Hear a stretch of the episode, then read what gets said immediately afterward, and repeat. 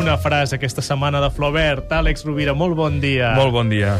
Un aforisme. Molt bon dia amb Flaubert. alegria. El diem perquè precisament l'aforisme d'avui parla de la tristesa. Sí. I és un aforisme molt breu, però molt provocador. I molt cert des d'un punt de vista psicològic. Deia Flaubert, compta amb la tristesa és un vici.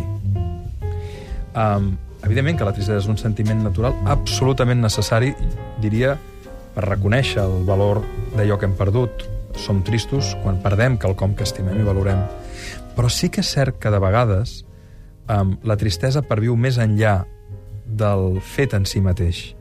De vegades podem entrar en una melangia, en un estat de tristesa crònica, i no em refereixo a la depressió, em refereixo a la tristesa com a vici, com a forma de plaer, que pot semblar contradictori, però hi ha persones que obtenen en la tristesa i en la manifestació de la tristesa, per exemple, l'atenció dels altres, per exemple, les carícies dels altres. Mm. Sí, alguna vegada recordo que ens parlaves del concepte de carícies negatives. Correcte, això va ser un, és un concepte que algun dia en podem parlar més en calma, no tant en la secció perquè no hi hauria temps, concepte que va desenvolupar Eric, Ber, eh, Eric Berne i Claude Steiner.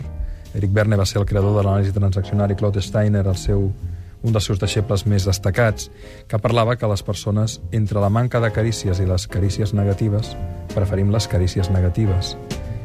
Com deia William Faulkner, entre el dolor i el no-res prefereixo el dolor.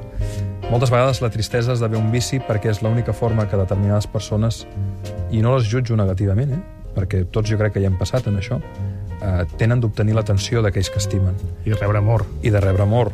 I per això, diu Flaubert, el, el tanto amb la tristesa. Um, la setmana que ve farem un altre aforisme que ens parla de l'alegria en contraposició i que ens pot donar pistes de com sortir del cercle viciós de la tristesa com a vici. Tant de bo l'alegria fos també un vici. Eh? Tant de bo El que fos. passa que se n'ha fet poca literatura de l'alegria. Sí, i s'ha confós amb l'excitació, amb el consum, amb l'estimulació eh, des del vertigen, i no, l'alegria és un sentiment molt pur, molt natural.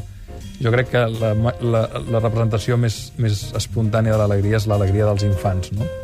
Com a, com a emoció pura, no condicionada, autèntica. El món canviaria molt si hi hagués més alegria. El bloc de notes de l'Àlex Rovira amb aforismes que podeu trobar en el llibre Paraules que curen, del mateix Àlex. Doncs, Àlex, que tinguis molt bona setmana. Fins Una abraçada, gràcies.